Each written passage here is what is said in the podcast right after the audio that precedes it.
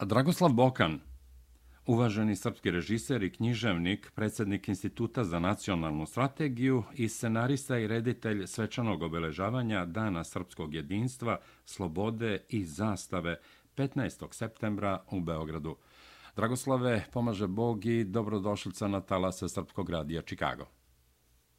Bog pomogao i ovaj, pozdrav preko okeanski pozdrav za sve vaše slušalce. Hvala od srca. Pa evo, na početku pitanje, posle, ja bih rekao, monumentalne svečanosti Dana Srpskog jedinstva, slobode i zastave, čiji ste vi bili scenarista i reditelj, kako se osjećate danas posle svega? Znam da ste umorni, ali kako se osjećate nakon fenomenalno pa završenog posla? Kao nakon važne i velike, dugo pripremane bitke od koje zavisi toliko toga. Mnogi ljudi ne razumeju uh, sav značaj koji je ova proslava imala, pošto je ona nas direktno povezala, ne sad kao ranije sa 1. decembrom 1918. stvaranju Jugoslavije ili ne daj Bože sa 29. novembrom 1943. i stvaranjem Avnojevske uh, Titove Jugoslavije, već sa 15. septembrom 1918. godine tim velikim posljednjim jurišom naše vojske pred eh, veliku pobedu i još veći poraz politički nakon te ratne pobede, znači na trenutak kada je probijen Solonski front u onom jurišu gdje je, kako je nemački car govorio, 65.000 srpskih vojnika odlučilo sudbinu Prvog svjetskog rata. Eh, Solonski front se inače eh, nekako prenebregava i smanjuje mu se značaj, iako je u tom trenutku kad je srpska vojska krenula u frontalni napad, u tom trenutku je čak milion i dvesta hiljada vojnika bilo tu okolo. Otprilike je ravnomerno 600.000 saveznika i 600.000 pripadnika centralnih sila, ali je srpska vojska bila srce tog juriša i svega onog što se dešavalo na ovaj, Solonskom frontu i pod komandom Vojvode Živojna Mišića koji je nasledio na mestu načelnika našeg e, generalštaba e, Vojvodu Plutnika koji je godinu dana pre toga preminuo. Živojn Mišić je poveo ovaj, taj juriš, e, njegovu prvu armiju je vodio tek tek ustad uspostavljeni vojvoda Petar Bojević, a drugu armiju već tradicionalno vojvoda Stepa Stepanović i onda su njih trojica zajedno sa našim junacima i oficirima i vojnicima uspeli nemoguće da se u jako, jako teškim okolnostima te rovske borbe izmaknu pobede Bugare i Nemce i krenu kao oslobađanju ne samo Srbije, već i čitave naše otažbine, svih srpskih zemalja, ali i mnogo dalje i šire od toga, sve do ne znam, Pečuja, Temišvara, do skoro ispod Beča, gore na vrhu, čitave Dalmacije, velikog dela Balkana.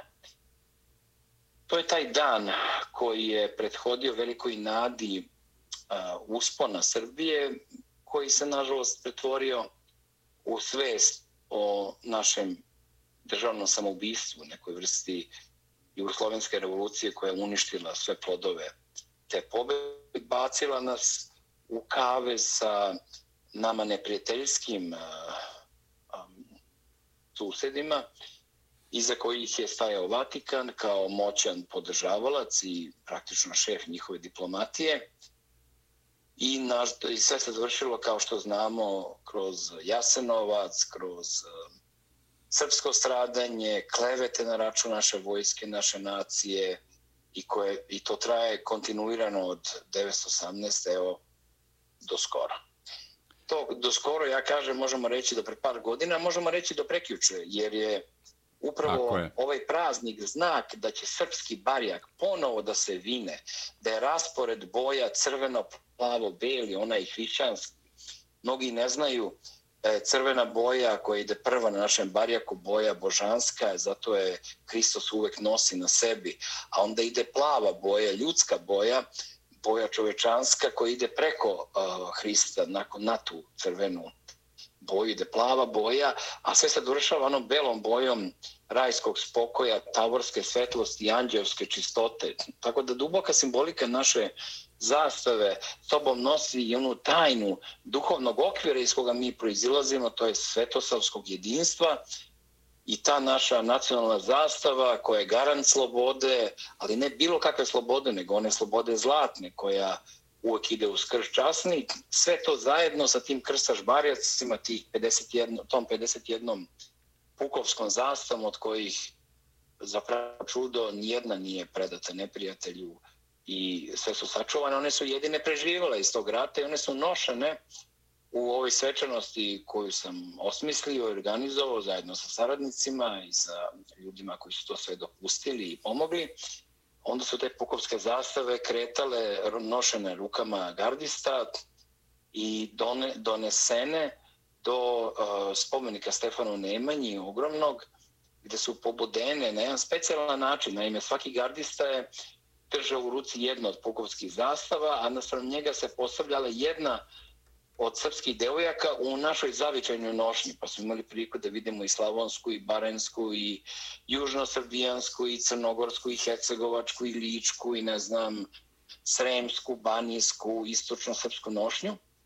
Njih 51 radostnu nošnju svih srpskih zemalja i zavičaja i onda bi vojnik dao, pružio taj barjak toj devojci srpskoj, da bi ga onda ta srpkinja primila i zajedno su ga pobadali taj barjak i napravljen jedan slavoluk od tih pukovskih zastava koji sve vreme podsjećao govornike i sve prisutne zašto smo se skupili, kakva žrtva stoji na svemu tome, a te kolone koje su krenule od spomenika e, Vojvodi Dragoslave, Dragoslave, krenuli... A Dragoslave, izvinjavam se, ja bih hteo o nešto da vi kao scenarista i reditelj kažete detaljnije za sve one koji nisu, nisu uspeli da gledaju u živo prenos, jer je naravno radni dan i tamo i ovde. Da. Pa ako dozvolite, evo samo dve rečenice, onda bih vas zamolio da kažete nešto o detaljima koji su da. prethodili govornicima, pukovskim zastavama i ovome o čemu ste evo do pre par sekundi govorili. Naime, da kažemo da su Srbija i Republika Srpska obeležile zajednički praznik Dan srpskog jedinstva, slobode i nacionalne zastave. Centralna manifestacija održana je na Savskom trgu u Beogradu kod spomenika Stefanu Nemanji, a sve je završeno spektakularnim vatrometom, a otpočelo je ispaljivanjem počasnih plotuna na Kalemegdanu.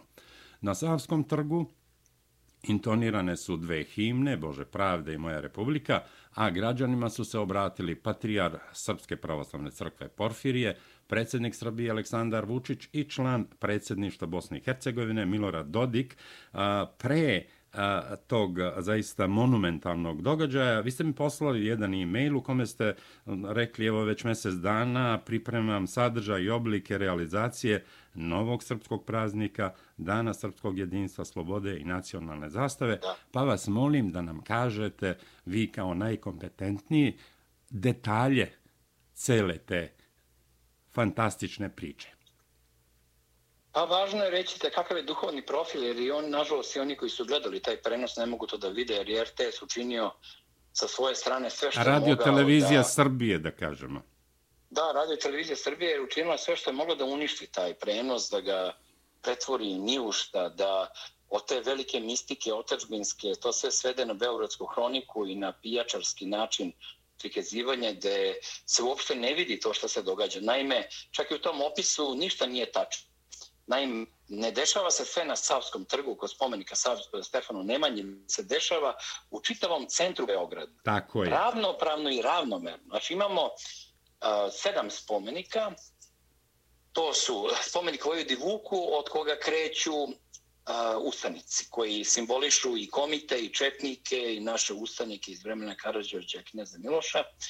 Onda od Njegoša kreće narodna vojska, spomenika Njegošu, a onda se oni skupljaju kod spomenika knezu Mihajlu gde im se priključuju uh, i konjica koja je preuzeta iz specijalnih policijskih snaga, ta konjica, ti prelepi izvežbani konji, i jahači njihovi svečanim uniformama koji vode odatle sve srpske vojske, znači od srednjovekovnih ratnika sa njihovim zastavama i grbovima iz tog vremena, pa preko uh, srpskih vojnika iz uh, 16., 18., 19. veka, sa raznim zastavama koje smo nosili, kneževskim, kraljevskom, srpskom, uh, zastavom, belim orlovima, zastavom e, Srba u Crnoj Gori, zastavama raznih ustanika. Oni svi kreću od knjez Mihajlovog spomenika zajedno sa ovim ustanicima koji su krenuli od spomenika Vojvodi Vuku i ovima koji su krenuli od spomenika Njegošu. Da zajedno ta ogromna kolona kreće ka Slavi. Ide terazijama i ulicom Kralja Milana i na tom putu zajedno sa njima je hiljadu lju, mladiće devojaka u narodnim nošnjama, specijalno iznesenim za tu priliku. Mnoge, mnoge od tih nošnji su u, po muzejima, teško se mogu i vidjeti, a kamoli uživo. A sa druge strane, kreće kolona od Karadžorđevog spomenika, to su gardisti, e, fantastično obučeni u svečane uniforme garde, onako pod konac i po izgledu i po držanju.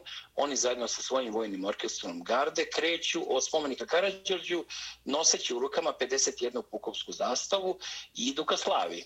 Oni idu sa desne strane, e, bulevarom oslobođenja, koji je tako i nazvan jer je Karadžorđe tom linijom ušao u Beograd i 1806. godine ga oslobodio Turaka.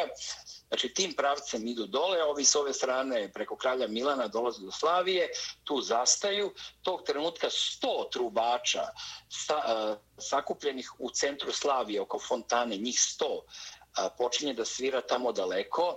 Njih je Dejan Petrović, naš najveći e, trubač, obučavao, izabrao. 50 njih su iz tog Zlatiborskog kraja, 50 njih su iz Južne Srbije. Oni su uvežbani, specijalno došli za tu priliku i onda deo po deo, grupa po grupa njihova sviraju tamo daleko i tad počinje ulazak u taj kružni tok Slavije s jedne strane ove kolone gardijske, a s druge strane kolone svih drugih naših vojski oni tu se susreću u nekom prepletu živom. Za to vreme devojke i mladiće, njih 60 parova na jednom delu Slavije, na jednom platovu, oni u varoškim nošnjama gradskim igraju ona čuvena kola koje smo i popuno zaboravili, kraljevsko kolo, kolo knjeza Mihajla, kolo kraljice Natalije, kolo kralja Milana, znači e, to su inženjersko kolo, znači to su stara varoška kola koje se drugačije plešu igraju nego na svečani način nego ova naša narodna kola. I onda svi, svi oni zajedno se sastaju na početku Nemanje na ulice i kreću uz trubače koji sviraju marš na drinu preko svojih truba, gromoglasno. Oni počinju da se spuštaju Nemanjenom ulicom. A kako idu Nemanjenom ulicom, sa strane a, od knez Miloševe ulice susreću ih, susreću ih trojica vojevoda srpskih, vojevoda Bojović, vojevoda Mišić i vojevoda Stepanović Stepanović na belim konjima, obučeni u vojvodske uniforme. E, njih igraju fenomenalni jahačik, tako da je cela priča i tekako delovalo uverljivo. I oni prilaze e, od početku kolone koju vode gardisti. Komandir garde im prilazi i vrši salutiranje sabljom. To je jedan stari način salutiranja gde se sabljom prekrš, kao prekrštava kao sveštenik na šta ovaj, Vojda Mišić kaže u otačbinu napred, čuvenu komandu Mišićevu od 15. septembra pre toliko godina i onda on zajedno sa drugom dvojicom Vojvoda u duhu Prvog svjetskog rata predvodi savremenu srpsku vojsku iza koje ide srpska vojska svih vremena sa hiljadama zastava, svih mogućih koje možete zamisliti. I sada, oni tada Uh, oni tu prolaze kraj spomenika knezu Milošu Obrenoviću i spomenika Gavrilu Principu i oni tada nailaze na ključni deo uh, ovog dela koji nažalost RTS potpuno uspeo da uništi, da ne prikaže i da totalno poruši čitavu ideju svega, a oni prolaze kroz triumfalnu kapiju. Znači, prvi put posle Balkanskih ratova i naše pobede u oba Balkanska rata se u Beogradu uh, gra, sagradila za ovu priliku triumfalna kapija kapija slave, ali smo je mi napravili na modern način od onih LED ekrana, kao virtualnu ogromnu kapiju, gde gornjim delom uh, protiču i prolaze imena svih naših velikih bitaka, Velbužda, Kosova, Pločnika, Cera Kolubare, Kajmak Čalana, uh, Mišara, Ljubića, Javora, pa sve do ovaj, e, bitaka kao što su operacija Koridor u Republici Srpskoj ili Paštrik i Košare. Znači, tu se čitava slava naše vojske i naše pobede može videti sa snimcima koji idu preko tih ekrana i zastavama koje se prikazuju.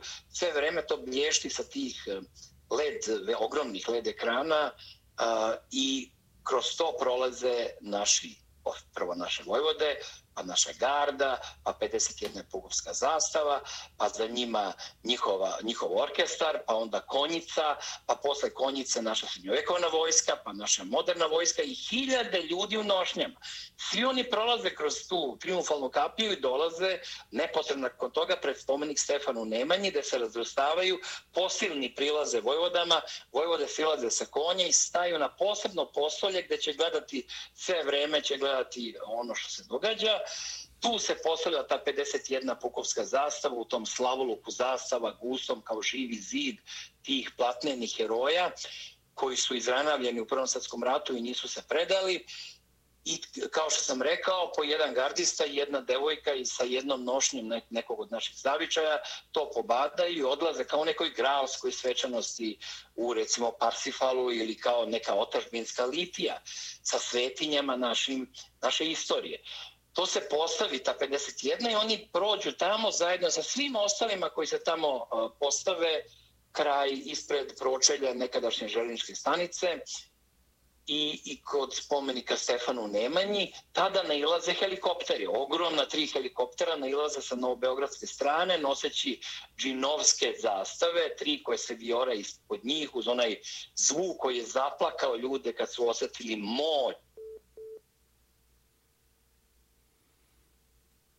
Imamo mali prekid, govori Dragoslav Bokan, scenarista i reditelj.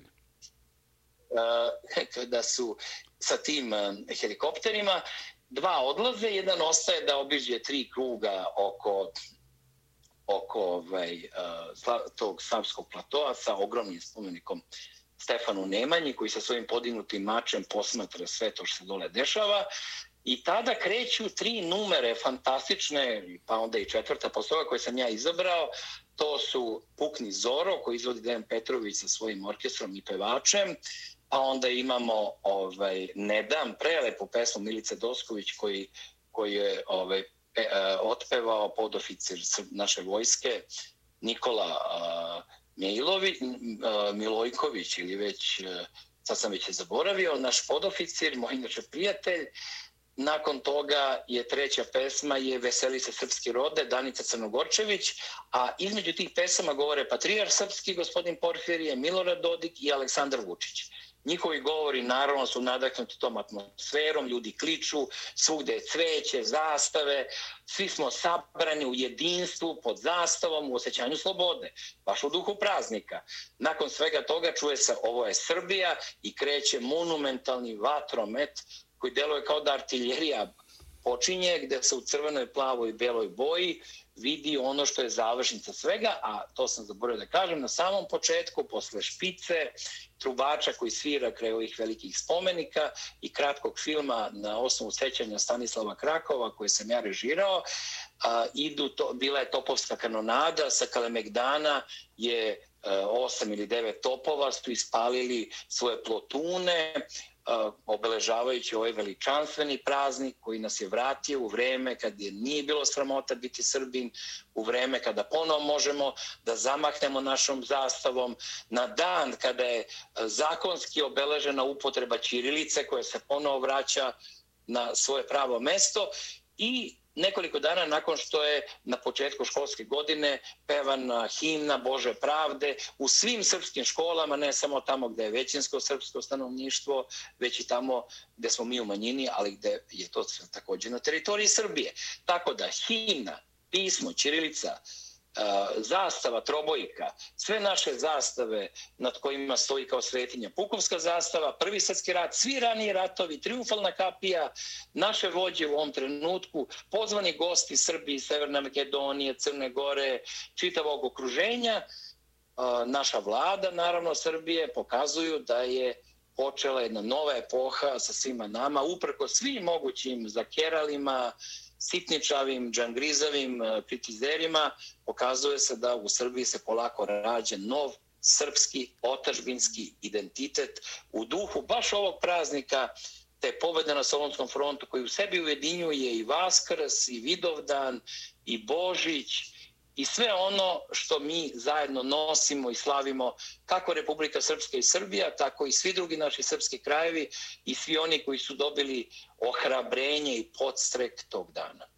Dragoslave, ne bih želeo da umanjim monumentalnost narednim pitanjem svega onoga što ste uradili i mhm. svega onoga što se desilo tog dana od zakona da. o zaštiti Ćirilice pominjući obskurne ličnosti, čovek koji predstavlja te obskurne ličnosti, da ne kažem, evo, pa mogu i da kažem to neko pod navodnicima srpsko blato ili srpski kal, koji pokušava sve što je srpsko da unizi, da ponizi. Govorimo o Nenad Dučanku koji je tog dana došao u televiziju Happy, čini mi se, sa nekakvom da. zastavom Vojvodine. Vi ste ga nazvali Hromi Daba. Ja sam razumeo zbog čega, pa ću to i da kažem da to ne biste vi objašnjavali. Hromi Daba je bandit i negativac iz Mikijevog zabavnika, koga smo kao deca svi mrzeli isto toliko koliko i Bađu iz crtanog filma Popaj, naravno i da su ličili.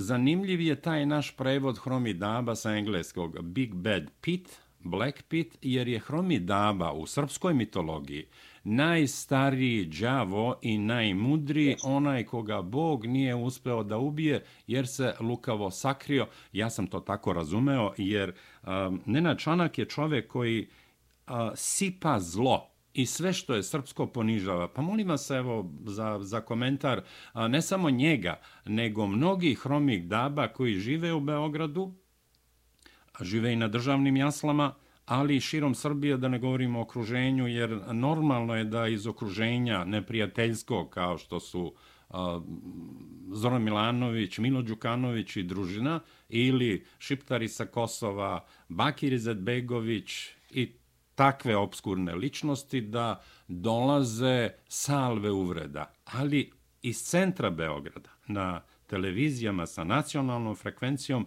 e pa to bi trebalo da je nemoguće, ali izuzetno je moguće i svedoci smo toga. A prvo ljudi moraju da shvate da ne treba da sami govore i zaključuju o stvarima koje ne razumeju. Ljudi misle da je vlast u Srbiji diktatorska, da ta vlast može šta god joj se ćefne i da sve što se ne desi, ne desi se zato što vlast neće. Ja sam svedok, direktan svedok da to nije istina. Znači, naša vlast od Ministarstva spoljnih poslova preko predsjednika Srbije, ljudi iz ministarstava, iz vlade, su praktično molili RTS, ne samo sugerisali, da prikaže to sve kako treba, da uzmu reditelja koji će to umeti da pre, realizatora, to koji će umeti da prenese ono što smo mi izražirali pre toga i da mene uvedu u studio kao glas ili kao gosta da objasnim svaki tako deo je, po deo kako je. se to bude rešavalo. Oni su to odbili. I to su odbili na jedan veoma perfidan način, time što su nekoliko dana govorili da im treba vremena da to ipak obave, da bi zadnjeg dana samo od toga se isključili. I ne samo što su oni odvojili time od vlasti ili od države, oni se odvojili od svog naroda. Oni se odvojili od smisla ovog događaja. Oni se odvojili od samog dana i od srpske zastave, i od srpskog jedinstva, i od naše slobode, i time pokazali da i dan danas duh titoizma koji je antisrpski, bezbožni, koji je uvek neprijateljski prema svemu Dragoslave, ja bih rekao i satanizma, ne samo titoizma. Pa, znate kako, u neki, pa kad kažemo hitlerizam ili nacizam, onda znamo šta sve stoji za toga. Iza reči antisrpski titoizam, isto se prilike zna šta stoji sve iza toga. Oni ne mogu da podnesu. Znate, kao vampiri kada svetlo ugledaju. Da. Njih, to, njih, njih svetlo sprži. Tako isto lažove prži istina. A, tako isto u ovoj priči e, tu ideologiju, mi smo sahranili vampirsku ideologiju Titovu e, tog dana, 15. septembra, mi smo praktično ovaj, zakopali Titov leš ili leš njegovih, njegove ideje, leš njegovog procesa rastakanja srpstva i pokušaja totalnog uništenja i našeg naroda i našeg sećanja, zaborava na Jasenovac, zaborava našu slavnu prošlost, na naše muke, na sav trud koji je uložen u odbranu te i takve Srbije.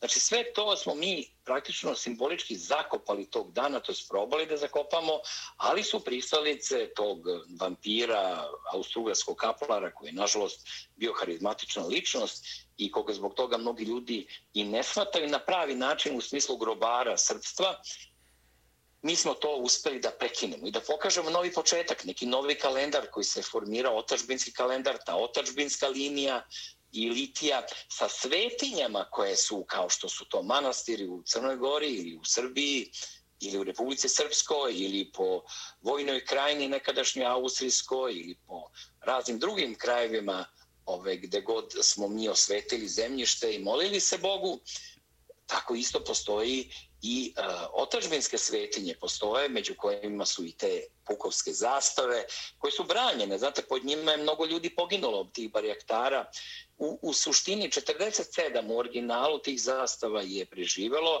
One su izbušene kuršumima, šrapnelima, neke od njih izgledaju kao najteži mogući ranjenik, ali su preživele E, tri su uništene u topovskim i artiljerijskim dejstvima, a jedna je stavljena preko e, kovčega kralja Petra I, oslobodioca, kada je sahranjivan, onda je njegov kovčeg, kovčeg sahranjen sa pukovskom zastavom, možda i najistaknutijeg, najodlikovanijeg svakako puka, to je gozani puk e, knjeza, Miha, Mihajla, prvog poziva Moravske divizije, koji je, ovaj, koja je postavljena na, na, na njegov kovčeg i simbolički uh, ga pra, otpratila u, u večnost.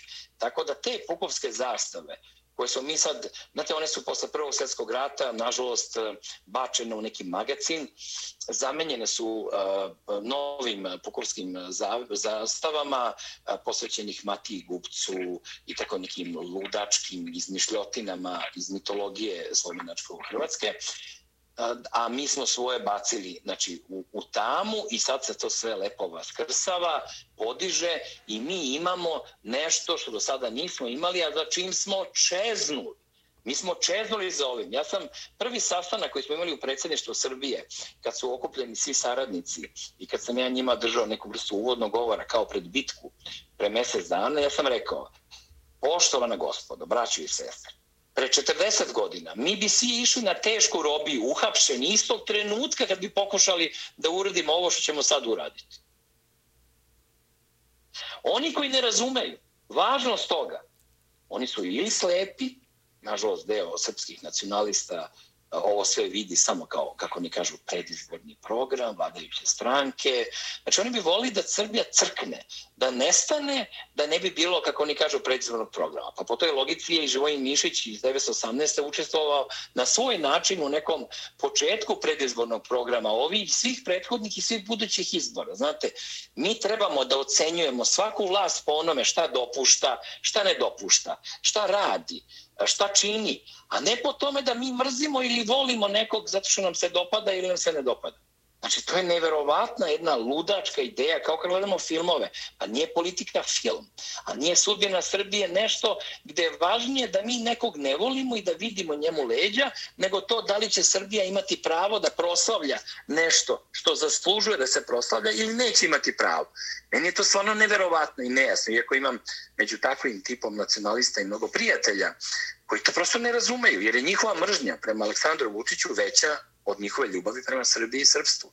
I to je apsolutno jasno sad. Znači, ima ljudi, znate, koji ne vole kad se nešto dobro desi, zato što umjesto se raduju da je nešto bolje, što nije bilo tako, oni se, oni se nerviraju što to bože predsjednik e, Srbije dobije neke argumente. Pa mislim ljudi, pa ne, ne treba mi da se radujemo ili da tugujemo uh, naspram toga da li neko dobije ili ne dobije argumente, nego naspram toga da se nešto dešava dobro ili ne uh, na račun Srbije i kada reč o Srbiji. Pa pa ste ruski vojnici, ruski narod, oni su bili u Staljina koji ih je uništavao, bacao u logore. Zajedno s njim se borili protiv Nemaca, su shvatili da pred Nemcima nema više komunizam, nacizam, fašizam, antikomunizam, nego je to borba otačbine protiv nekoga ko hoće sve Ruse da pretvoju robove i sve narode koji žive u nekadašnjem Ruskom carstvu, tadašnjem Sovjetskom savezu. Nezavisno od toga kakva je ideologija. Pa ljudi su iz logora izlazili mučeni, stradali, izlazili, borili se protiv Nemaca, noseći krstiće ispod onih sovjetskih uniformi, drvene krstiće. Znači, mi kao da smo poludeli, kao da, mislim, ne mi, ne daj Bože, jer je ogromna većina naroda to prihvatilo na pravi način i osetilo to. Znate, kad osetite taj drh, taj vazduha po tim moćnim helikopterima koji idu kao ono filmu Apokalipsa danas, ali nose sobom te ogromne barijake koji prolazi za nas, kao da nas krštavaju, kao one litijske ikone koje su ruske vojnici nosili oko a, iznad svojih trupa u vreme borbi kod Stalingrada, Leningrada sa nacistima i sa Nemcima. Znači, to, je, to su svetinje prosto se izdizale da govore u ime nas, da nas brane i da plaše naše neprijatelje, da im kažu dosta je bilo, niko više neće ubijati srpsku decu, niko više neće klati, niko više neće moći pravi koncentracijni logor na Srbe i da optužuje Srbe za ono što su oni uradili. Ta ideja da je Srbin u Baniji i Kordunu će sutra ili prekostra biti zaštićen od svoje države, matične države, bez obzira na to gdje su granice. Pa pazite, otačbina ne poznaje granice, kao što mi pesme Aleksa Šantića, Njegoša, Milana Rakića ili dela Nikole Tesla i Mihajla Pupina ne mogu da se postave pod granice. Kao što nebo srpsko nema granice, što je pokazalo i onim helikopterskim letom uh, mitropolita Jonike i patrijarha Porfirija, koji su tim slobodnim srpskim nebom koji nisu cetinjani uspeli da uga, uga, ugase i uguše onim zapaljenim gumama i, i molotovljivim koktelima, oni su došli tamo gdje treba kod oltara, a mi smo juče, formi, to je prekjuče, formirali otačbinski oltar tom velikom proslavom. Ja moram reći da sam bio fasciniran time što sam pozvan od ministara, ministra Selakovića i od predsjednika Vučića, njima izložio sve ovo što sam vama ispričao i što su se oni oduševili, pristali na to, nisu cenzurisali, nisu rekli, ne daj Bože, da je nešto preterano, da možda treba malo da bude ipak manje toga, da nam ne trebaju, nemam pojma, pukovske zastave. Ne, oni su rekli bravo. I ja to, ja sam svedok toga ja sve vreme to govorim i to sam dokazao da se to događa, da se nešto događa. Ima ljudi koji kao da ne žele da se to događa. Jer je u Srbiji, nažalost, znate onaj klinački fazon, kada a, oni učenici iz posljednje klupe su kao hrabri, dobri, njih svi vole, a kao učenici iz prve klupe su bubalice, oni su uz nastavnike i nastavnici. Ta ludačka ideja je sad nastavljena time da onaj ko napada vlast, bez obzira ko bio na vlasti, bez obzira šta ta vlast radila u, u Beogradu i Srbiji, da ti ljudi koji napadaju vlast, oni su tobože hrabri, pošteni, tobože moralni, od onih koji vide da se nešto dešava i to primećuju i opisuju. A ne mogu ja da se pravim lud pred nečim što vidim ispred, svo, ispred svojih očiju. A tako je, istovremeno, znači, Dragoslave, samo, Dragoslave, izvinjam se, samo da dodam, istovremeno vi niste član Srpske napredne stranke, niti bilo Kakav koje član? stranke, u, ne, ne, ne, samo da, da, da to, ja znam da niste, nego a, samo da kažem da ljudi koji nas da. slušaju i prate na, na YouTube kanalu i koji nas slušaju u, u, direktno, da znaju da vi niste član ni Srpske napredne stranke, niti bilo koje stranke u Srbiji, sem stranke Srpske otačbine, Srpskog naroda i Srpske pravoslavne crkve. Koja, koja se formira na nebu, negde u odnosu među nas i naših predaka, ne u, u, na, u opštini nekoj ili već ne znam gde se stranke i formiraju. Znači, pazite, zato je RTS i pobunio se, jer on, eh, on vidi da ja nisam iz tog eh, kako bi rekli, partijskog centra vlasti. I onda oni ne žele, eme ne vole, zato što sam Srbi, ne me 30 godina zabranjuju. 30 godina sam ja zabranjen pod svim direktorima, i Milanovićem, i ne znam, uh, uh, Vučelićem, i Tijanićem, i sada Buljoševićem. Buljošević, kako se zove te čovjek? Da, Bujošević, da, Bujošević. O, ja rekao Buljošević, pa... Pred, I pred njima, znate kako, oni mene 30 godina ne podnose uvijek iz istog razloga. Što sam za njih previše Srbin, previše zaljubljen u Srbiju i Srpstvo, u našu otačbinu, previše neposredan kad je reč o našim stradanjima, kad je reč o tome da ne smemo da popuštamo i da se ponižavamo pred neprijateljima, da moramo da držimo dostojanstvo, da moramo da se sećamo svega, Oni me zato ne podnose. I dan danas me ne podnose. Oni ne mogu da razumeju, da shvate kako je moguće da vrh vlasti srpske mene pusti da po mom scenariju radim takav događaj koji deluje kao neka vrsta liturgijske litije u otačbinskom smeru. Kako je to moguće? Kako je moguće da ja odredim da recimo posle pesme Veseli se srpske rode, gde se govori o srpskom barjaku, ne znam, od Prizrana do Rumije, da nakon toga govori Aleksandar Vučić? Posle takve pesme. Oni to ne mogu da razumiju kako je to moguće. Znači, njih je vreme prevazišlo, oni su ostali anahroni, oni dalje žive u kontekstu doživljaja partijske države, oni ne vide ništa od Tita, ne mogu ništa da vide drugo što se dešava. Pa možete zamisliti, u prvih sat vremena prenosa, oni su ostavili troje ljudi, istoričara, heraldičara i jednu direktorku e, Vojnog muzeja. I sad, njih, njih troje sede u studiju i onda lagano časkaju kao da je bilo koji dan dok iza njih promiče sve ono važno što sam opisao malo pre i što je toliko bitno za taj dan i samo za taj dan što je pripremano dano noćno pre toga. Gomila kretinih ljudi zajedno sa mnom. Tu su bili ne znam i Vesko Grozdanić i, Slavo, i Slavoljub uh, Živatnić i ne znam, Dejan Dionise Nikolić, znači da su ljudi talentovani, beskrajno, svako na svoj način, koji su, kao što je Danica Crnogorčević, ostavila tog dana svoju decu i došla iz Crne Gore da bi otpevala Veseli se srpske rode, rode svima nama, da svi osetimo tu snagu kroz one moćne zvučnike pod Stefanom Nemanjem, okruženi tom vojskom, narodom, konjicom i svim onim što se dešava. I šta mi sad treba da kažemo? Da to nije dobro što je urađeno zato što je na čelu Srbije neko ko se nekome ne dopada. Pa su ljudi normalni. Pa suludo, naravno. Što nije, što nije Boris Tadić to uradio? Što nije uradio Vojislav Koštunica? Što nije uradio Slobodan Milošević? Tako pa, pazite, pa ja imam osjećaj za to. Pa ja sam za vreme 10 godina, za vreme Miloševića, ja nisam mogao da se pojavim na televiziji. Ne da, pa pazi, sad ne mogu da se pojavim, ako, ako ćemo iskreno, ne pušta me televizija. Ali je to uspostavljeno u vreme uh, te, to, te čudne sprege post-titoističke udbe i televizije Beograd, koja se kasnije pretvora u RTS, ali RTS je dan danas radio televizija Jugoslavije ili Titova televizija. To je, bez obzira na to što ima častnih ljudi, pojedinaca, koji jedva čekaju da se nešto promeni.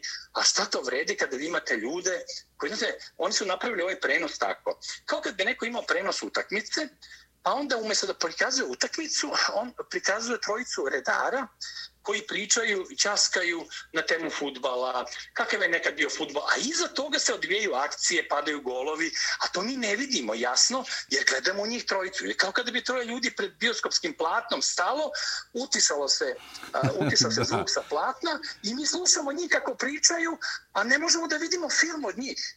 Ali, Dragoslave, uh, mogu li... Možda se to dogodilo. Da, ako dozvolite da vas vratim malo na, na tog big hromog dabu i sve dabe koji sede u sred Beograda i ova sprega o kojoj govorite.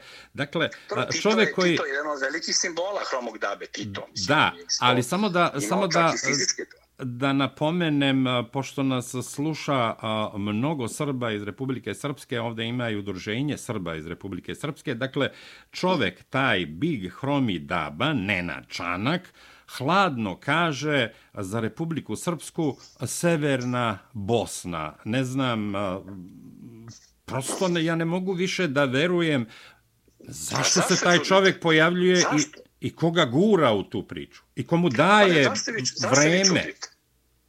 Pa zašto se čudite? Pa ja se ne čudim, zašto? nego se čudim, pa hoće li negde neko da ušrafi pa čoveka. Pa samo takvi ljudi govorili, razumete? Imali da. ste dve vrste ljudi. Imali ste one činovnike kao su, nemam pojma, Borisav Jović, uh, sada ne nabrajam te ljude da ih ne bi vređao.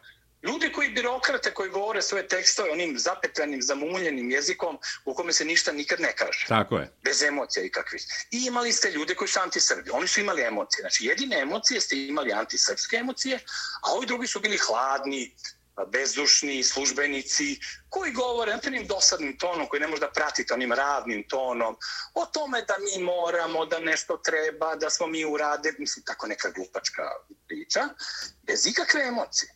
Sad odjednom ovde sve sjaji, pozlačeno emocijom. I to otačbinskom emocijom.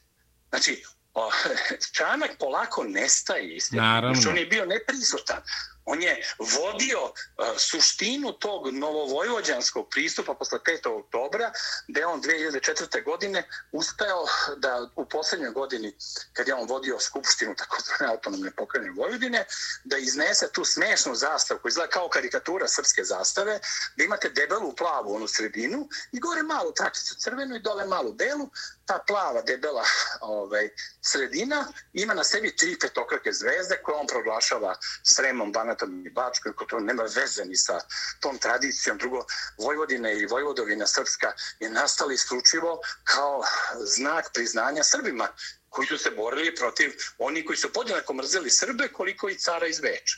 I ta, ta borba je nama donela, mi smo uspali da se krvlju svojom, boreći se protiv Mađara u tom trenutku, 48. godine, izborimo za svoju autonomiju, izborimo za sve ono što, što nisu imali ni Hrvati, što nisu imali ni mnogi drugi, i samo kažem vam, svojom hrabrošću. Tako I tu je. su Satimirović, Šupljikac i Rajačić, uspeli da povedu naš narod i ta srpska Vojvodina koja je bila najvažnija, zato je zovu srpska Atina i srpska Sparta, tole, to je vezano za Cetinje i za, za staru Crnogoru, praktično oni sada u sebi imaju te novo, nove virusne pojave koje Tito formirao, a, a to su ti milogorci antisrpski i neki smešni kao vojvođaneri koji mrze sve srpsko, ali u Vojvodini je to rešeno, jer dolaskom Srba iz krajine posle Oluje posebno, vi imate Vojvodinu koja je potpuno posrbljena, koja je potpuno otačbinska, kao što je bila polovinom 19. veka, tako i sada. Ti jadnici, kao što je uh, Nena Čanak, oni predstavljaju, znate, jedan fenomen, naime, on je ličanin poretom kao ja. I vi ste imali u Prvom svjetskom ratu, u vreme tog juriša na Solonskom frontu, imali ste ličane u Austrugarskoj vojsci, kao što imamo njega. Imali ste ličane u Srpskoj vojsci dobrovoljice, kao što imate danas mene. Tako da u tom smislu, nikad se ne treba čuditi zlu, niti njegovim projavama u nečemu gde je nasledđe jezio, pa se jugoslovensko nasledđe. Nasledđe ukidanje Vidovdana 1929. Nasledđe ukidanje imena Srpskog narodnog pozorišta izbacivanja reči Srpske. Nasilje nad Srbima koji su morali da se, na, da se eh, obeležavaju kao Jugosloveni između dva svjetska rata, ne kao Srbi. Nasilje ukidanja naše Srpske pravoslavne crkve, to je postavljanja nje eh, u, u redu sedam zajednica gdje smo mi jedna sedmina tih religijskih zajednica koje čekaju na red u hodniku kod ministra pravde koji odobrava sve. Znači, šta god je odlučivao patrijarh ili sveti sinod i sabor, morao da ide na potvrde na potpis ministra pravde, pravde tadašnje kraljevine Jugoslavije, inače, bi, inače ne bi imalo nikakvu važnost. Znači, to je jedna jeziva priča na koju se samo nadovezalo ono što komunisti dokrajčili i tu srpsku priču koja je bila skrajnuta, pretvorili u srpsku priču koja je raspeta. Raspeta, zatočena, ubijana, uništavana, vređena, klevetana i u školama lažno predstavljana. U školama u kojima smo mi odrastali, u tim komunističkim inkubatorima, koje smo Bogu hvala pokidali pokidali svojom voljom, svojom hrabrošću, svojom radoznalošću i svojim osjećanjem za istinu. I sad dolazimo do nečeg potpuno novo. A kao da se ljudi ne raduju dovoljno, kao da ne shvataju da se nešto novo dešava, jer gomila nekih izgubidana koji žele da budu lažne vojvode, lažni komandanti, lažni predsednici, raznih instituta, raznih društava, pokreta, raž, lažnih ravnogoraca, lažnih ne znam kakvih nacionalista, Naravno ima i pravih, ali ja vam govorim o ogromnom broju lažnih prepoznajete ih po tome što se ne raduju pr pobedama srpskim, što se ne raduju što se srpski narod polako ujedinjuje, što se ne raduju što se srpski barjak diže nad celim Balkanom, pokazujući neprijateljim da više nikad neće moći da nam rade ono što su radili i što skoro svakog dana bogovetnog obeležavamo nekom jamom, nekim stradanjem, nekim ubistvom, nekim mučeništom našim iz prvog svjetskog rata, iz drugog svjetskog rata, iz otrbinskog rata 90. godine. Znači, mi se zauvek odvajamo od onoga što nas je uništavalo, idemo ka napred, ali neka napred odvojeni od onog prethodnog, nego zajedno sa prethodnim. Mi idemo ka potomstvom, a pred sobom držimo pukovske zastave sadašnjim rukom našeg vojnika. To je ono što je prikazano tu, bez obzira na obstrukcije iz RTS-a, to se tako vidi. Kome se to dopada, kome se to ne dopada, to je na savjesi svakog od nas. Ali da Srbin, pravoslavni, koji poštuje Vojvode Mišića, ne, ne zaplače kad vidi na belom konju trojicu Vojvoda kako prozve kroz triumfalnu kapiju, a prate i gardi se sa pukovskim zastavama, dočekuju devojke i svih naših zavičajnih krajeva, stavljaju te zastave. Slušamo, veseli se srpske rode. Srpskog patrijarha koji govori pred srpskim vođama koji su u ovom trenutku to. I da se tome ne raduje pa to morate budete stvarno duševno bolesni i da budete stvarno opsednuti nečijom, nekom mržnjom koja se onemogućava da budete Srbi. Apsolutno. Tako da je to jedna velika priča, važna priča i meni je bitno da to izreknem, znate, da to izgovorim. Jer je to neverovatno. Meni je bilo mnogo lakše kad bi se zadržao u priči na onome što sam uh, osmislio, režirao, Posao bi rekao, to mene ne interesuje politika, pa ne, mene ne interesuje politika, ali me interesuje položaj otačbine. Interesuje mi, interesuje me šta Srbi u Baru, šta Srbi u, ne znam, Senti, šta Srbi u Pazaru, šta Srbi na Baniji, dogledaju taj prenos, šta oni osjećaju, šta se u njihovom srcu dešava. Da li oni plaču kad e, slušaju Pukni Zoro i a najboljih nema, odneo ih boj? Da li oni pevaju zajedno sa svima nama, ovo je Srbija?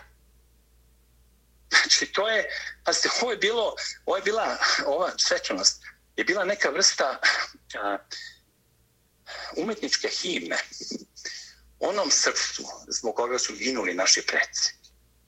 I to je bilo toliko dirljivo da zato ja imam takav užasan osjećaj pred obstrukcijom i izdajom oni koji su trebali da nam budu glavni saradnici, a to su ti nesečnici iz RTS-a, predvođeni glavnom urednicom programa, pa sad imate imena, glavnim urednikom, generalnim direktorom, znate ko to odlučuje. Oni su rešili da po svaku cenu unište to što je srpsko, to što je otačbinsko, to što je novo, to što ide u Čirilicu, to što ide uz himnu Bože pravde koju smo toliko dugo čekali. Pa 90-ih smo ginuli i čekali se konačno pojavi himna Bože pravde da ne pevamo pesmu Hrvatima, Slovencima i ko zna kome u onom Hej Sloveni. A kome da pevam Hej Sloveni? Tuđman? Pa to lud... Janez Ujanši? Jer to su Sloveni. Da. Ja sam stvarno neki put sam zatečen malo srpstvom takozvanih velikosrba. E, Dragoslave, znači, bit ćemo još zatečeni kad vam postavim sljedeće pitanje i nadam se kažete. da ćemo posle vašeg odgovora biti potpuno zatečeni. Naime, Nedostojno i nestručno poigravanje brojem žrtava u Jasenovcu, umanjivanje broja srpskih žrtava u koncentracionom logoru Jasenovac. Izvolite. Znate, ima ljudi koji žive za aplauze iz sveta. Za priznanje da nisu kao ostali Srbi, da su otmeni, urbani, objektivni. Za razliku od ovih Srba koji su subjektivni, koji su samo obuzeti srpskom pričom, ne razmišljaju o Hrvatima, Slovencima, o žrtvama sa druge strane i bla bla trući takvih ljudi imate koliko hoćete. Oni su se namnožili jer oni žive od toga. Oni dobijaju svoje grantove, stipendije, eh, pobeđuju na tenderima, bivaju postavljeni na razna mesta eh, gde stranci, nažalost, još posle 5. oktobra i dan danas u nekim segmentima odlučuju, pa pa se ni u Rusiji. Putin nije završio posao. On je posao završio kad je reč o policiji, vojski i crkvi, po vojsci i crkvi. Ali kad je reč o financijama ili medijima, on nije uspio još uvek da pobedi svoje neprijatelje, iako već to, to radi već 20 godina. Znači, znači, mi imamo mnogo veći problem jer živimo u manjoj zemlji bez nuklearnog naružanja. U, među susedima nemamo ni jednog uh, sem naravno Republike Srpske, ali nemamo nikog među susedima ko na državnom nivou ima uvažavanje prema Srbiji, srpskim interesima i autentičnoj istoriji Srbije kakva je bila. Pazite, u Makedoniji imate, znate koliko u Makedoniji imate grobalja srpskih vojnika? Ali grobalja koje niko ne pazi ili redko gde se paze. A gde su groblja makedonskih vojnika? Ako govorimo o makedoncima. Jer za groblja srpskih vojnika znamo gde su i znamo kako su ginuli, znamo zbog čega su ginuli, protiv koga su se borili. A gde su makedonske vojnici? Tako da tih banalnih jednostavnih pitanja kad krenete, onda ćete vidjeti da postoje dve vrste ljudi. Jedni koji razmišljaju kroz svoju savest o tome šta će naši pred ove, misliti o nama, sučim ćemo izaći pred Miloša, zašto su ginuli svi ti naši prethodnici. Mi pokušavamo takvi, pokušavamo da budemo njihov glas, da kroz nas oni vide i gledaju, da kroz nas oni nastave sa svojim pobedama. A ima onih koji se spuštaju glave pred protivnikom, kleče, ponizno se smejulje i oni idu sljedećom logikom. Što manje ljudi navedu da je stradalo u Jasenovcu, to će dobiti veće priznanje od takozvanih svetskih eksperata koji će reći, a evo, među Srbima ima i pravih naučnika koji, koji, se, koji se bave revizionizmom, istim onim revizionizmom koji je kažnjiv svugde po Evropi i po svetu. Znači, za iste te stvari koje naši ljudi rade, se ide u zatvor, znate, u Nemačkoj recimo. Kad pokušavate da smanjite broj pobijenih jevreja, vidite u zatvor. Kad prevodite knjigu koja govori o tome, vidite u zatvor.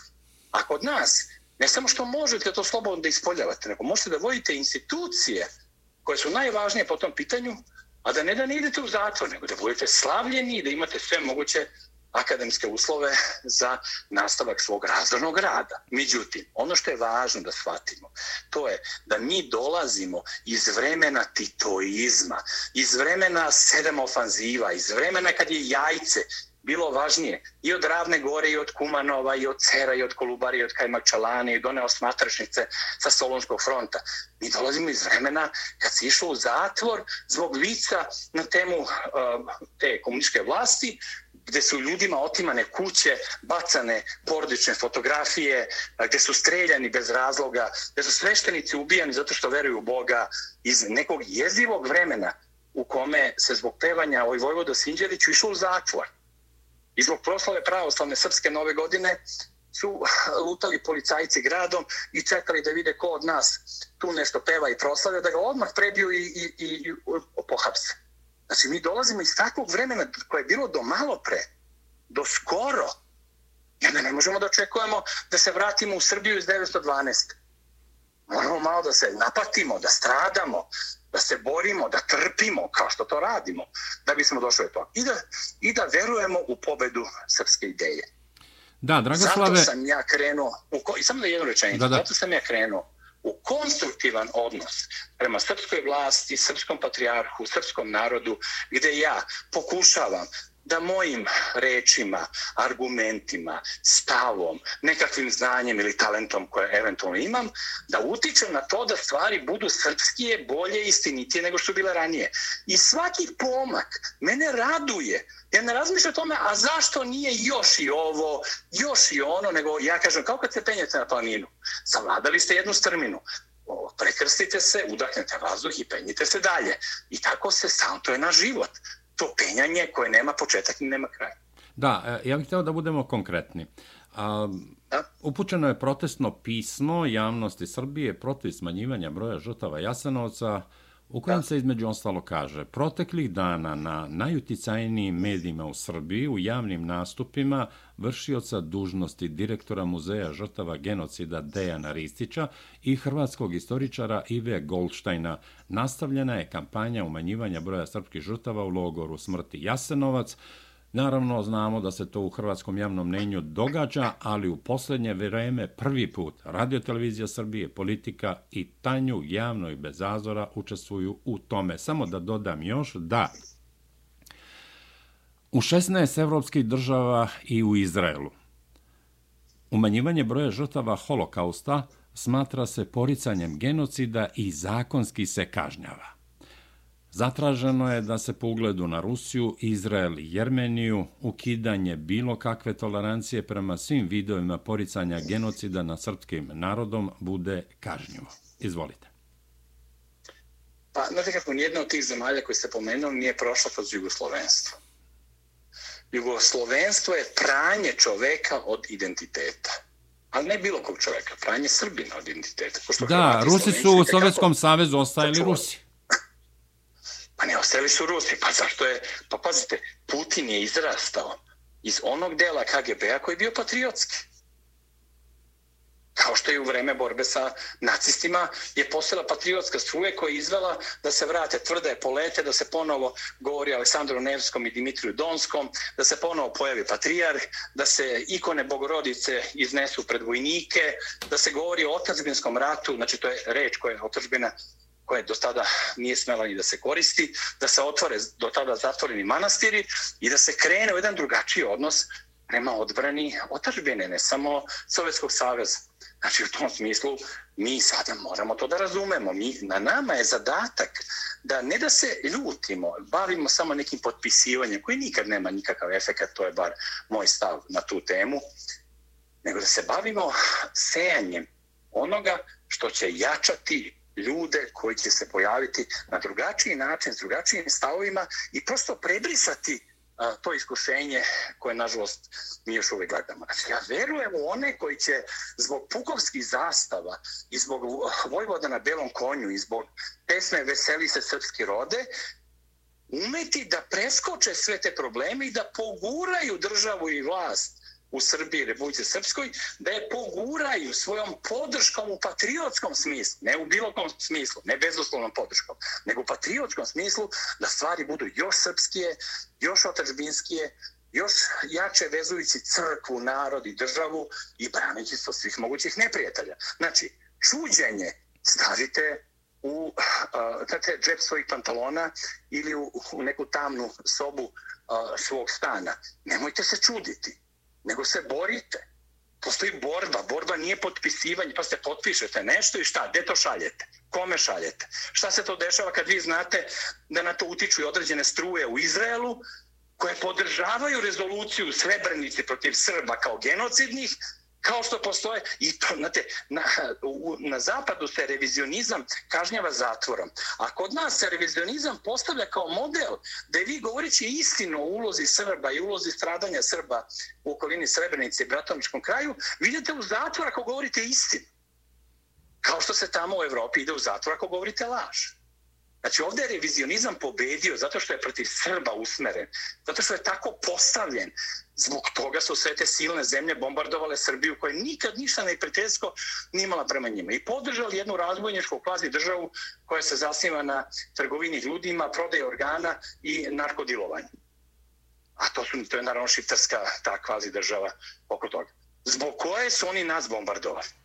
Ubijali decu, rušili mostove, napravili 100 milijardi, ne znam koliko ovaj, dolara štetu koja nas je uh, pritisla kao lanci. Oni nama govore da ovde ne, nije dobar standard. Pa što se nas uništavali, što se nas sankcionisali, što se nam ubijali ekonomiju? Pa kako je nastala korupcija? Pa onog trenutka kada je država morala preko privatnih računa da radi poslove, državne poslove, jer nije mogla zbog sankcija drugačije. Tog trenutka stvara se ogroman prostor za korupciju koji su nam naši neprijatelji smestili. Isti oni koji nas danas kritikuju da nismo dovoljno pošteni, da nismo dovoljno moralni, da je situacija ovakva i onakva, mi moramo u ovoj državi da govorimo jedno, mislimo drugo, radimo treće, da bismo nekako uspeli da se izvučemo iz takve jezive situacije, iskušenja. Znate što znači kad ceo svet protiv vas ratuje? Znate što znači kad samo pročitate šta su sve državnici sveta, ozbiljni ljudi, glumci, umetnici, intelektualci, govorili o Srbima da smo uh,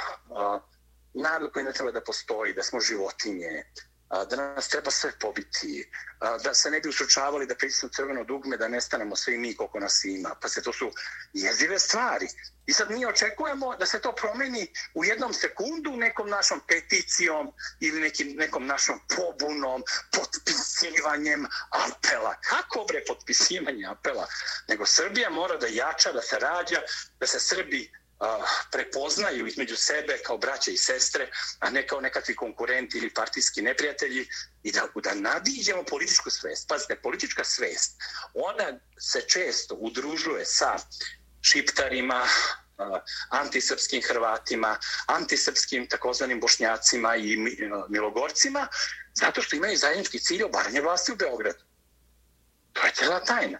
A ja imam za cilj obaranje vlasti u Zagrebu, u Sarajevu, eh, popravljanje vlasti u Podgorici, poboljšanje situacije u Skoplju. To je moj cilj. Da se smanji pritisak neprijatelja na nas. Da se smanji broj zemalja koji su priznali Kosovo. Kako našim intelektualcima kad odu u Hrvatsku da razgovaraju tamo i da prime aplauze od, od Hrvata, ne smeta što su Hrvati akteri iza svih antisrpskih akcija i u komunizmu, i sa Milom Đukanovićem, i sa Prištinom. Kako im to ne smeta? Zašto samo im smeta Beograd? Pa Beograd je okupiran, to nije grad koji je takav. On je okupiran i mi polako skidamo te lance. Kao onaj, onom filmu Čudotvorni mač, kad pucaju lanci onog junaka Nebojše koji postaje slobodan. Da bi mi bili slobodni, moraju da puknu ti lanci. A ti lanci se ruše ovakvim manifestacijama kao što je bio 15. septembar 2021. Tako godine. Je, tako I ovako je, tako označen je. proboj. Tako je. Dragoslave, pomenuli ste, čini mi se, Cetinje. Pa bih uh, voleo da, da ovako javno govorite i razmišljate o svemu onome što se dešava u Crnoj Gori. Pitanja ima mnogo, ali evo ja ću samo navesti onako taksativno, pa vas molim za komentar. Dakle, uh, dogovor Demokratskog fronta i demokrata o rekonstrukciji vlade ljudi u Crnoj Gori, odnosno analitičari, nazivaju istorijskim tu koči urad Ritana Bazovića, ali nadam se da će to biti u redu. Pokretanje postupka za opoziv Mila Đukanovića zbog kršenja Ustava, današnja pučistička odluka na Cetinju u Skupštini grada Cetinje, Skupština podržala inicijativu da Cetinski manastir bude svojina Miraševe sekte, takozvane Crnogorske pravoslavne crkve. Pa molim vas za komentar. Još od 1945. godine na teritoriji Repu Sostaviške republike Crne Gore otvorena je slobodna hajka na Srbe i na pravoslavlje. Sveštenici su ubijani, mnogi ne znaju da je više pobijeno pravoslavnih sveštenika ove, tih, te, te, u toj godini ili dve u Crne Gori i Srbiji, nego što ih je pobijeno pod Ustašama u nezavisnoj državi Hrvatskoj. Bezbroj crkava je spaljeno, neke su pretvorene u nužnike, u javne WC, u štale, neke su dignute u vazduh. Bilo je u Crnoj Gori nekoliko slučaja sahranjivanja Boga, gde oni u kovčeg, uh, kovčeg na kome piše Bog, sahranjuju zemlju, onda igraju, ludački skaču i džipaju oro bezbožničko bogoboračko, iznad toga kao poludeli. U toj takvoj atmosferi je zamro crkveni život u Crnoj Gori, pogasila se monaška bratstva, prebijani i streljani arhijereji su napuštali ovu zemlju u strašnim mukama i onda je sve to pre 30 godina počelo da se vraća u normalu. Ali pazite, iz takvog minusa, kad krenete od minus hiljadu, da bi se došli do nule, ogroman je put potreban, a kamoli da biste išli u pozitivno. Tako da je s te strane metropolit Amfilohije Radović uspeo za svog života, skoro nemoguće, da mudrošću, veštinom, kombinacijom strategije i taktike, a ne samo suštine, mic po mic dođe dotle da se obnove crkve, ojača sveštenstvo, postave nove osnove koji mnogo više liče na ono što je bilo A govori Dragoslav Bokan. Ono što je bilo u vreme Petra I. Cetinskog ili Petra II. Petrovića Njegoša. Znači, to je povratak Crne Gore njenom srpskom srcu i njenom pravom autentičnom identitetu. To se događa, znači, tek ovih 30 godina. Nažalost, u posljednjih 20 godina, posledno poslednog mesečnog 5. oktobra, to je bila antisrpska revolucija, koja se širila kao i sve naranđaste revolucije na sve strane, ona je polako formirala i e, taj novi lik i masku Mila Đukanovića koji je skinuo e, svoj, prethodnu, e, svoj prethodni kostim Srbina, nekog kvazi Srbina, koji peva isto tu pesmu Veseli se srpske rode na nekim slavljima, to imate, možete gledate isto i na YouTube-u, i zauzima položaj jednog hrvatskog ustaškog narativa, totalno antisrpskog. I kao posljedica, znate vi što znači kad imate podršku celog sveta, kad imate ogroman novac, kad imate kriminogene strukture koje vam pomažu, kad imate oružene formacije, kad imate pretnje i mogućnost da nekom ukinete mogućnost zaposlenja u jednoj maloj zemlji u kome ljudi moraju znači, da prežive. Znači, po svim tim pritiskama i ucenama, on je pokušao da uništi Srpsku pravoslavnu crkvu, to je jedinu crkvu koja uopšte tu od uvijek postoji. Samo ta crkva koja je nastala od zetske ove, episkopije u vreme kada je Sveti Sava donao nezavisnost, e, čitavi arhijepiskopiji Srpske pravoslavne crkve, pa preko toga preko Pećke patrijaršije, koja je uvek imala svoje zaleđe na Cetinju, manastiru Cetinju i u Sremskim Karlovcima, odjednom se ta priča krenulo se u frontalni napad kroz onaj nesni zakon gdje je pokušano da se kvazi formalnim argumentima prisvoji, ukrade i razbojnički otme kao 45. godine, samo još brutalnije da se otmu svi manastiri crkve koje bi postale tako vlast a, Milove, Milove ekipe i njegovih inspiratora. Na, u tome nisu uspeli. Srbi Crne Gore pojačani onom, onim normalnim delom ljudi koji se ne smatraju Srbima, ali su bili protiv takvog odnosa prema crkvi, narodu i državi. Oni su svi zajedno kroz litije kojima smo se divili, kojima ćemo se večno diviti, uspeli su da smene tu vlast. Došla je nova vlast sa prednošću od jednog poslanika. I ta mala, sitna prednost je definisala i formirala sve ove probleme koji su nabrojeni u vašem pitanju. Kad imate jednog poslanika razlike, onda ne možete isto se ponašati kao kad imate 20 ili 30 njih viška. U tom kontekstu utice stranih ambasada koje su dopustile da Milo Đukanović siđe sa svog trona, a za uzvrat tražile da se zadrži onaj isti geopolitički kurs koji je duboko protiv eh, tradicije Crne Gore, ali je u skladu sa sadašnjim trendovima, tu je došlo do užasno komplikovane pozicije da vi imate ljude koji su protiv Mila Đukanovića, ali su i protiv srpstva. I naravno to veštačko podizanje reči crnogorski. Znači sad odjednom reč crnogorski pobeđuje druge reči kao što su reč primorski, kao što je reč srpski, kao što je reč otačbinski, kao i sve ostale reči. I onda se tu nekim čudnim bojama farbaju i cetinje, i Crna Gora, i zastava i himna. Pa možda zamislite da ova verzija himna koja se peva je delo Sekule Drljević, čoveka koji je bio pomoćnik Anti pa Možda verujete da je to moguće danas, kao kad bi Gebelsova pesma bila tekst nemačke himne. Znači, tu se dešavaju mnoge stvari pod direktnim pokroviteljstvom. Ljudi sa zapada, koje ništa drugo ne interesuje, sem da se srpska priča zgazi sa zemljom, kao 1914. kad su krenuli na istok da se zgazi Srbija. Tako i sada imate istu borbu da se zgazi Srbija. I kogod je protiv Srbije, odmah dobija podršku, odmah se briše njegova kriminalna prošlost, odmah nestaju optužnice zbog eh, prodaje droge, cigara, znači Milo Đukanović sebe postavio varijantu spašavanja sebe od svih mogućih e, grehova koje on nosi sa sobom i zajedno se udružio sa nesretnicima iz Prištine, iz Tirane, iz Sarajeva i Zagreba. I to je onda napravljen jedan front koji radi sve što može. Sada se pokušava da se malo milom, malo nekim pritiscima, malo situacijama koje se menjaju iz dana u dan, da se učini sve što je moguće da aktualna vlada Crne Gore ne bude orijentisana kao što je bilo u trenutku kada je izglasavala ono rezoluciju o navodnom genocidu u Srebrenici, nego da se postavi to onako kao što su se osjećali ili ponašali 30. augusta prošle godine kad su pobedili Mila Đukanovića i kad su bili mnogo srpski nego danas. Znači stvari moraju da se srede, da se postave.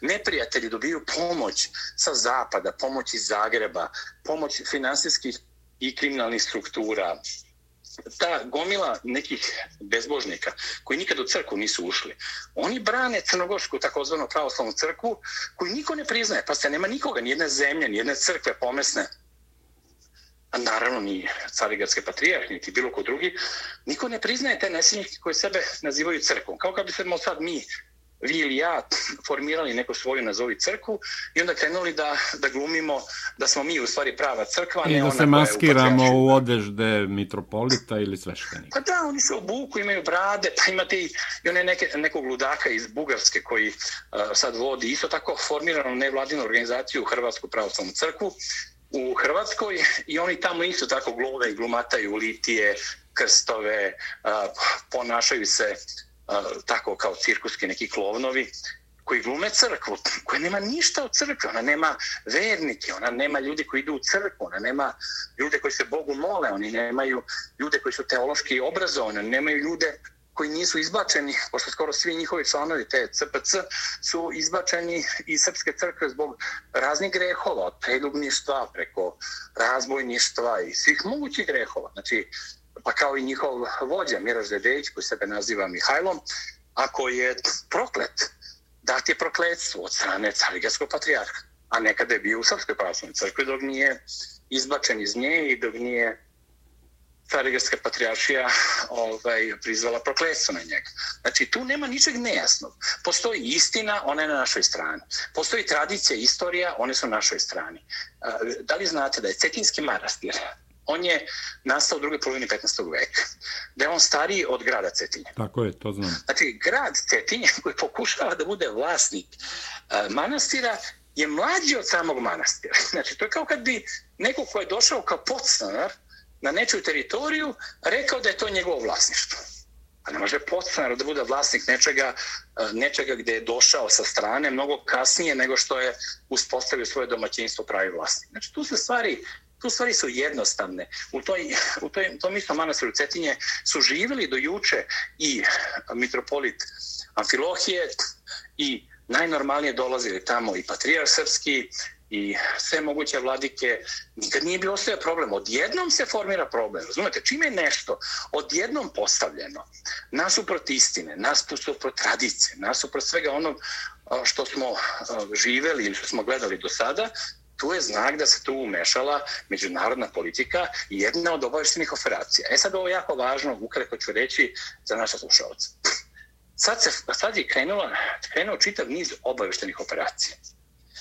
Neke su vidljive da su obaveštene operacije. Možete da, da ih, kako klinci kažu, provalite sa kilometar kao recimo na Cetinju, sa tim zapaljenim gumama, sa molotovljenim koktelima, sa pucima iz pušaka, sa mržnjom, sa pribijanjem, sa urlanjem, sa psovanjem Boga, naše crkve. Znači tu se sa kilometra vidi da je reč o jednoj operaciji mržnje koje ne može se pravda nekom pričom o, o verskoj slobodi i duhovnosti, već je čista mržnja.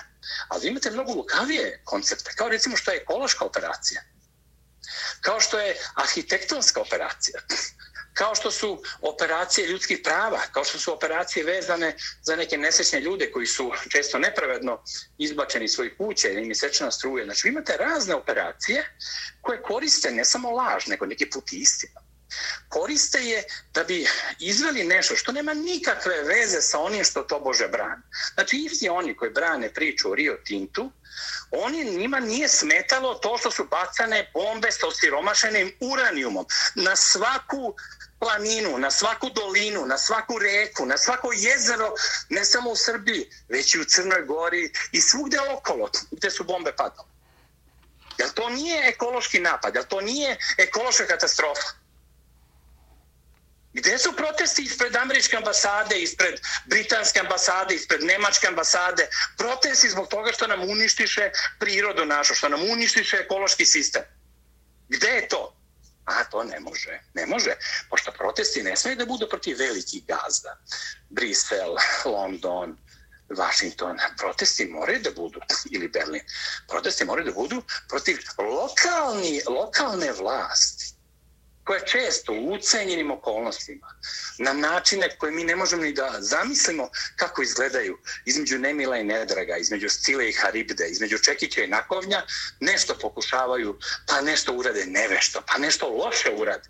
Ali to nije razlog da se unište oni koji nam donose dan zastave, slobode i srpskog jedinstva. Da se uništi mogućnost da ponovo slobodno mašemo našim barjakom, da pevamo našu himnu, da imamo osje naše čirilice, da, mislim, da se osjećamo kao Srbi svoji na svojemu i da nismo krivci, da nismo dželati, da nismo mi vršioci genocida, nego žrtve genocida.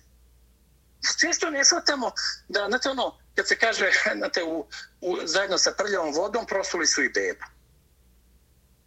Tako da nemojmo mi da sa prljavom vodom prostamo i ono što je istina i ono što nas drži i ono što ne sme da se poremeti i da se vrati u neki još mnogo lošiji odnos to da neko smatra da oni isti koji su nas bombardovali, izložili sankcijama i rezolucijom o genocidu, da će oni želeti nekog da bude srpski nego što je sadašnja vlast. Da će želeti nekog da bude pravoslavni nego što je sadašnja vlast ili sadašnja crkva. Oni nisu normalni. Znači, ne možete očekivati od neprijatelja da bude podržavalac nečeg srpskijeg, nacionalnijeg, duhovnijeg i crkvenijeg nego što je ovo što je sada. A njima upravo smeta ova vlast zato što u sebi polako podiže, možda presporo za nas, ali polako podiže svoju otažbinsku srpsku glavu i svoje i počinje da kuca srpsko srce. Nije im smetao, taj isti vladar im nije smetao kad je došao na vlast e, pre 8 godina ili 9 godina.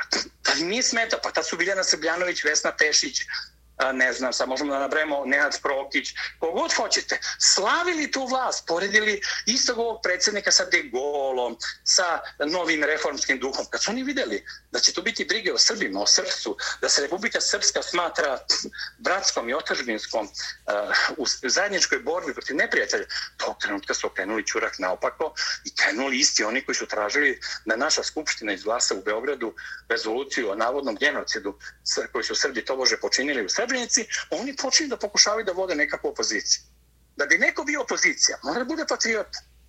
Da bi neko bio opozicija, mora da bude za Srpsko Kosovo, za Republiku Srpsku, za jačanje Srba u čitavom regionu, za odbranu ugroženih srpskih prava, za stalni rad sa našim neprijateljima. To, to je uslov svih uslova da bi onda nakon toga mogao da bude opozicija jer se ne slaže s nekim političkim rješenjima ljudi koji su na vlasti. A ne da deo njihove opozicijone aktivnosti bude zajedno sa onima koji glasaju za rezoluciju o Srebrenici, gdje su Srbi označeni kao zločinci, kao prvi narod označen kao genocidan u istoriji čovečanstva. Dragoslave, uz Turke, da, izvolite, izvolite. Pa ne, uz Turke u vreme Jermena, gdje je to naravno na mnogo nižem nivou. Niko nije bombardovao Tursku zbog toga, niti je uve sankcije.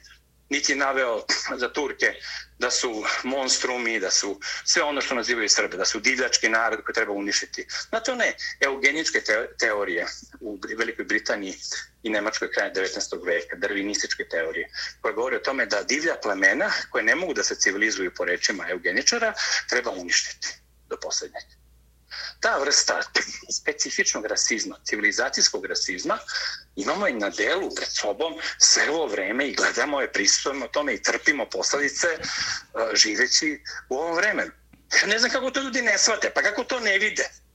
Kako neko ko kaže za vas da ste monstrume koje treba uništiti i da nijedan Srbi ne treba da preostane ili da se neko raduje da mi nestanemo ili da kaže, znate koliko puta sam čuo da neko kaže ma treba nas bombardovati.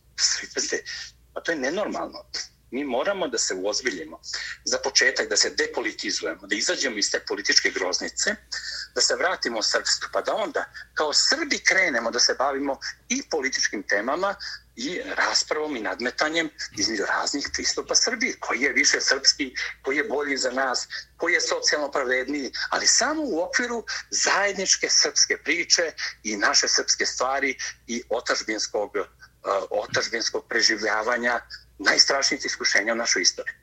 Da, Dragoslave, pomenuli ste Tursku. Predsjednik Srbije Aleksandar Vučić e, nalazi se u dvodnevnoj zvaničnoj poseti Turskoj. Razgovarat će sa predsjednikom te zemlje, Ređepom Tajpom Erdoganom. Međutim, htio bih samo da kažem ovo i ne očekujem komentar. Imam pitanje, evo, pri samom kraju, ne manje važno, zato što je na kraju. E, predsjednik e, Srbije je rekao ne zanimaju me ni Zoran Milanović, predsjednik Hrvatske, ni Milo Đukanović, predsjednik Crne Gore. Ništa nas njihovo ne zanima. Nas zanimaju samo prava srpskog naroda. Dakle, ovo ne treba komentarisati, ali sam imao potrebu da to kažem. A, vas pitam šta je to srpski svet? Čujemo optužbe iz okruženja, uključujući evo i ovu dvojicu koje sam pomenuo, Milanovića i Đukanovića, koji kažu da je srpski svet, velika Srbija, težnja za stvaranje velike Srbije i tako dalje i tako dalje i naravno da je perjanica svega toga, tog srpskog sveta, Srpska pravoslavna crkva, posebno pod navodnicima u Crnoj Gori. Izvolite. Šta je pa, srpski možemo svet? Možemo da odgovorimo jednim kontra pitanje da bi ljudi razumeli o čemu pričam. Da li je postao i u slovenski svet? Naravno, odgovor je da. Da li je u slovenski svet sobom prekrivao i hrvatsku istoriju, slovenačku istoriju, srpsku istoriju, istoriju Dubrovačke republike? Jes. Jer nekom smetala ta imperialna crta kod jugoslovenskog sveta, na čim čelo je bila vojska Jugoslovenske narodne armije sa Svetito, maršalom, bivšim austrugarskim uh, podoficirom koji pucao na srpsku vojsku na ceru. Naravno znači, da ne. Kako može nekom da smeta, da smeta srpski svet, da mu ne smeta američki svet koji vlada velikim delom civilizacije globalne i taj jugoslovenski svet koji dan danas mnogi ljudi veličaju. Kako je moguće da im sad odjednom ovo smeta? Pa zar sve što je srpsko im smeta? Smeta im srpska književnost, smeta im srpska vojska, smeta im srpski svet. Pa vi znate da dan danas u Srbiji još uvek nemamo srpske pošte nego su pošte Srbije. Da vi još uvek nemamo srpsko vojsko nego vojsko Srbije. Upravo zbog tih napada, upravo zbog toga što sve uradimo se stavlja, se elektrificira i stavlja u kontekst najnegativniji, lažni, klevetnički kontekst. Ali i pored sveg tog truda da pokažemo da nismo takvi. Pa poslušajte kakav je govor pre svega patrijarho bio 15. septembra koji upravo govori o tome da mi nemamo ništa ni protiv Boga. Mi moramo neprestano da se pravdamo, neprestano da objašnjavamo, a nas bombarduju. Ne bombardujemo mi, nas bombarduju. Nas uništavaju sankcije, našu decu na noši ubijaju geleri nekih pilota koji ne znaju ni, ni nad kojom zemljom se nalaze. Znači, mi ne možemo, to je smisao ove izjeve Vučićeve, mi ne možemo da učinimo da oni koji nas mrze, da prestanu da nas mrze. Nemoguće dijalog pred nekim ko, ko penje od besa, mrzeći vas, a vi njemu objašnjavate kako je prava istina i to je nemoguće, znate. I samim tim mi moramo da počnemo se bavimo sobom. Početak bavljenja sobom je da sakupimo sve ono što je zajedničko u našoj istoriji, sve ono što je svetosrpsko u našoj tradiciji, sve ono što je autentično pravoslavno u našem otporu, unijaćenju i poturčivanju. Znači, mi moramo da sakupimo pred sobom i sa sobom sve ono što nas spaja i što čini da naši preci i dalje kroz nas mogu da gledaju ka potomstvu i našoj budućnosti. To je srpski svet.